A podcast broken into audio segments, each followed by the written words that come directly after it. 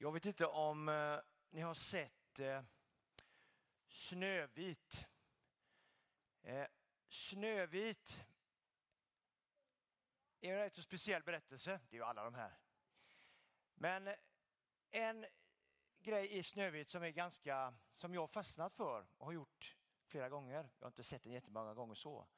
Men det finns eh, liksom en, ett scenario i eh, Snövit eh, som eh, drottningen är med om. Ni vet den här drottningen. Drottningen i Snövit har en speciell spegel. Och den här spegeln, eh, när man går fram till den här spegeln, när drottningen går fram till den här spegeln så frågar drottningen så här ungefär, spegel, spegel på väggen där. Säg mig vem som vackrast i landet är. Och så ställer drottningen den här frågan flera gånger. Säg mig vem som vackrast i landet är. Och spegeln svarar som de flesta vet eh, att du är vackrast. Du är bäst drottningen. Ingen är som du. Och så får hon den här bekräftelsen av spegeln. Eh, och sen så kommer ju Snövit då, det är en annan berättelse, det, det, finns en annan predikan på det kan man säga. Men Snövit som sen då blir vackrast och så. Men jag fastnar för den här drottningens någon slags längtan och önskan att vara störst och bäst och vackrast. Att vara finast och få den bekräftelsen. Spegel, spegel på väggen där. Och så tänker jag på våran fantastiska församling här. Andreasförsamlingen. Och så tänker jag på vad symboliserar, vad, vad, hur ser vi på oss själva? Vad önskar vi att människor ser i vår församling? När vi, när vi frågar människor vad, vad tänker ni om Andreasförsamlingen? Så önskar vi ju på något sätt, det är ungefär som att fråga den här spegeln då. Så vill man ju ha ett, ett svar, man önskar få ett svar av spegeln. Sådär. Och nu tänkte jag, det här är ju frivilligt. Du behöver verkligen inte. Men jag tänkte att vi skulle få, liksom, om du skulle ställa dig den frågan. Eh, vilka är Andreasförsamlingen? Du kanske är helt ny här idag. Titta på mig här. Du kanske är helt ny. Du kanske aldrig varit här. Du kanske inte har någon bild alls av Andreasförsamlingen. Men man kanske har någon bild av vad du sitter ändå här. Så, så ta någon, några sekunder, någon halv minut bara och, och prata lite med din granne. Det här är frivilligt.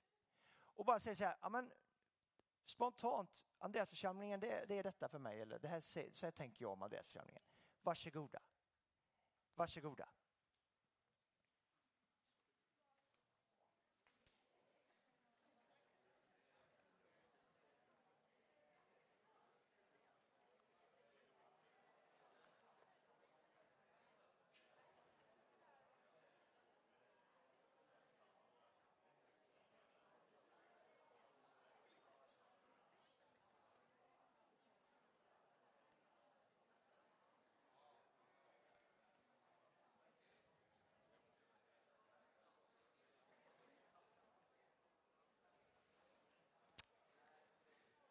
Härligt. Det var inte, det var inte långsökt. Det fanns mycket att säga om den, om oss. Och eh, jag tänker så här att vi, vi är ju en församling som vill spegla någonting. Vi vill ju vara någonting, vi vill stå för någonting och vi vill ge någonting till människor. Det är Andreasförsamlingen för mig. Jag vill att när människor ser på Andreasförsamlingen att man ska tänka att wow, de här står för detta. De här vill nå de här. De här finns för människor. Men ibland så hör jag, eh, ibland kollegor eller så att det, och ibland också församlingsmedlemmar och även jag själv, att när man pratar om församlingen, och det här är ju inget fel på något sätt, för det är lätt att säga så här, och jag gör också det. Men det är väldigt lätt att säga att det är min församling. Det är vår gudstjänst. Och då är det så här, då börjar jag fundera lite, hur tänker vi när det kommer till min och vårt och mitt? Eh, och ibland så hör jag pastorskollegor som säger, och jag har också sagt så, att det är min församling. Och då har jag tänkt på så här, för det är ju inte min församling. Eller din församling. Egentligen. I grunden är det ju Guds församling. Eller hur? Det är ju Guds församling. Vi får vara med och bidra. Vi får vara delägare. Det är något annat. Det är något helt annat. Men församlingen tillhör ju Gud. Det kan aldrig någonsin bli pastorns. Eller styrelsens. Eller den enskilde församlingsmedlemmens. En församlingsmedlem eller pastor får aldrig äga gudstjänsten eller äga församlingen. Utan den tillhör Gud. Vi får vara med och bidra och delta. Därför är gudstjänsten för mig ett sätt att tillbe Gud. Inte bara få någonting för mig. Utan att jag faktiskt får be och tillhöra Gud. Det är i första hand Guds församling. Vi får vara med och bidra. Och för mig blir det lite enklare då i församlingen. För att det innebär att vi, vi får plats med mångfalden. För alla får vara med då. Inte bara den enskilde. Alla får vara med och bidra på olika sätt i den här församlingen. Tro och liv. Man kan ställa sig frågan ändå, vad ska jag med församlingen till? Alltså det, det är ju ingen arena, det är heller ingen fritidsgård, det är heller liksom, utan det, det är någonting annat, församlingen. Tro och liv växer i vår församling. Den är till för att möta varandra i våra brister, i våra tillkortakommanden. Den är också till för att möta Gud i första hand. Att han får ta hand om mitt liv. Eh, Gud, det här med tro och liv. Gud vill inte ha våran fasad. Fasad har många hört i kyrkan många gånger. Det spelar ingen roll om du har hört det tusen gånger, det är fortfarande sant.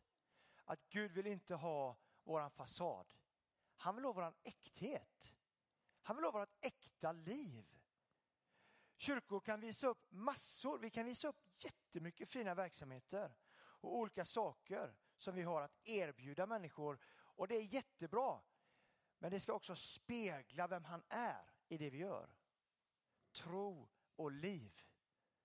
Inte bara fritidsgård eller en arena för människor att synas.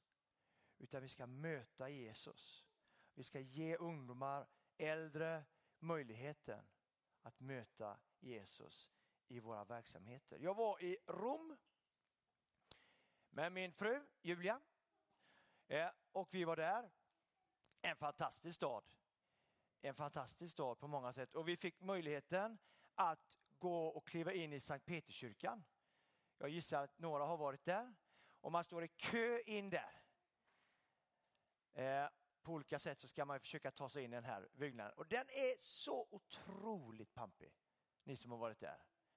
Den är grymt pampig. Alltså, jag blir ta- alltså man blir tagen, man blir det när man går in. Och ser liksom hur de har smyckat alltihopa. Hur de har liksom alla de här grejerna som finns och det finns olika sätt. De firar massa gött, det finns gudstjänstliv och sånt där. Det är jättebra, jättefint. Samtidigt så gick vi, jag och min fru, och funderade lite över och vi pratade lite om det att det känns samtidigt lite märkligt på ett sätt också. Jag kunde inte låta bli, det kanske bara var jag. Eh, eh, jag kunde inte låta bli att känna att det skavde lite ändå. Det skavde lite att det var så pampigt och att det var så guldigt och att det var så i ordning. Jag kunde inte låta bli att tycka att det var lite jobbigt också. I allt detta fina. Jag kunde inte låta bli att tänka liksom att hur hade, hur hade Jesus, alltså nu vill jag bara säga det är en jättefin kyrka, jag säger inget annat. Men jag, jag, jag kunde inte låta bli att fundera lite över, alltså vad, vad hade Jesus tänkt egentligen? Om han gick här inne och såg allt detta. Alltså, vad, skulle han, vad skulle han tänkt egentligen? Skulle han tycka att det var härligt att se alla guldbeklädnader? Det är en retorisk fråga från mig. Jag är inte säker på det. Jag kan inte svaret. Men när Bibeln pratar om eh, hur Jesus är i de här sammanhangen så skulle det förvåna mig om han inte vände och gick ut. Men jag vet inte om det är så. För att vi är så mänskliga så mycket. Vi är så, det är så viktigt för oss att visa upp att det är så fint och att det är så bra allting. Och så läser vi då i Saltaren. Jag sträcker mina händer mot dig. Jag öppnar mig som en törstig jord. Herre, skynda att svara mig. Jag orkar inte mer. Dölj inte ditt ansikte för mig. Jag blir lik dem som lagts i graven. Låt mig var morgon möta din trofasthet. Ty jag förtröstar på dig. Visa mig den väg jag ska gå. Jag sätter mitt hopp till dig. Herre, rädda mig från mina fiender. Jag flyr till dig. Lär mig att göra din vilja, ty du är min Gud. Må din gode ande leda mig på jämn mark. Tro och liv. Äkthet och öppenhet. Så när vi ställer frågan till den här spegeln, spegel, spegel på väggen där. Säg oss, vilka är Andreas församlingen? Så önskar jag, jag önskar att spegeln skulle säga att, att ni är inte fullkomliga. Vi är inte fullkomliga. Och det är bra. För det innebär att jag får vara med och du. Jag brukar säga det när jag har medlemsintagning ibland. Eh, att vi välkomnar inga perfekta människor här. För de är inte välkomna här. Det är så. Då är man inte välkommen här. Om man är en perfekt människa, då är man inte välkommen här. För här är vi människor med tro och liv som längtar och törstar efter Jesus. Vi tycker inte lika i alla frågor. Vi tycker inte lika överallt. Men vi delar samma tro på Jesus. Och det Gud vill ha, det är våran äkthet. Eller hur? Spegel, spegel på väggen där. Säg oss, vilka är vi i Andreas församlingen? Det är så härligt då att vi eh, i romartexten, nu läses inte romartexten, men i den så står det att vi vet att lagen tillhör det andliga, men själv är jag av kötslig natur, såld till slav under synden, säger Paulus. Ty jag förstår inte mitt sätt att handla. Alltså Paulus, han är så här, han erkänner för sig själv och för, de, för alla andra att jag behöver Jesus. Det är så jag bygger mitt liv. Han brottas som alla vi. Och vår församling, vi kan visa upp jättemycket fina verksamheter. Vi kan vara väldigt stolta och det ska vi givetvis vara. Vi har ett fantastiskt arbete. Jag försöker inte säga någonting annat. Vi har ett jättefint arbete. Människor lägger ner sin själ och hjärta i vår församling. Men låt det inte få bli en spegel där människor tittar och känner att nej, Andreasförsamlingen är grymt bra, men den är för bra. Så jag känner inte att jag är välkommen. Då har vi misslyckats vänner. Då har vi nog misslyckats. Utan vi ska vara en församling med tro och liv, en öppenhet, en, en bröstenhet. För att det kristna livet, det kristna livet, det handlar väldigt mycket om att kapitulera inför Gud och säga, här är jag, ta mig som jag är. Jesus, jag brister så mycket, men Gud, du älskar mig. Och det krävs ju mod att göra detta. Det krävs mod att erkänna för sig själv och för andra att man behöver Jesus. Eller så är det för mig i alla fall. Modet att inte alltid visa upp det perfekta. Modet att visa på vikten av Jesu nåd och Jesu kärlek. Vi behöver inte hålla med varandra om allt. Men vi behöver vara öppna med att vi inte alltid är så perfekta som vi vill och som vi tror. Därför så blir det så jobbigt för drottningen. Det blir så jobbigt för drottningen när hon inser att hon inte är störst och bäst och vackrast. Det blir ett problem för drottningen. Hon blir arg och sur och tvär och på något sätt så, ja, ni vet historien. Och där önskar jag att vi inte ska hamna i Andreas församlingen. Där vi letar efter det perfekta. Där människor ska se på oss utifrån och tänka vilken fin församling. Vad är en fin församling? Jag hade en, en, en kompis, pastorskollega. Han skulle göra en, ett arbete eh, när han läste teologi avslutnings, eh, eh, examensarbete så skulle han göra just om den perfekta församlingen. Vad tror ni att han, tittar på mig, vad tror ni att han kom fram till? Vad tror ni? Va? Det fanns inte. Det finns ingen perfekt församling. Och han sa att det var en fantastisk upplevelse. Insikt, det finns ingen. Och där får vi plats. Här ska människor få plats i vår församling. Man ska få komma här, man ska få möta Gud här. Och våra verksamheter ska alltid, och vi pratar om det i ungdomsrådet, jag och Johannes pratar om det ofta som är, ordförande där, att våra verksamheter, det ska spegla tron på Jesus. Visst är det så Johannes? Yes. Det ska spegla tron på Jesus, överlåtelsen i det vi gör. Tro och liv. Inte bara den perfekta fasaden, att det kommer många barn och ungdomar, äldre hit. Det är jättebra. Men inte poängen. Det är inte poängen. Det är inte poängen. Det är poängen i Kinnarps arena, eh, förlåt, Husqvarna Garden. Då är poängen att fylla den med massa folk.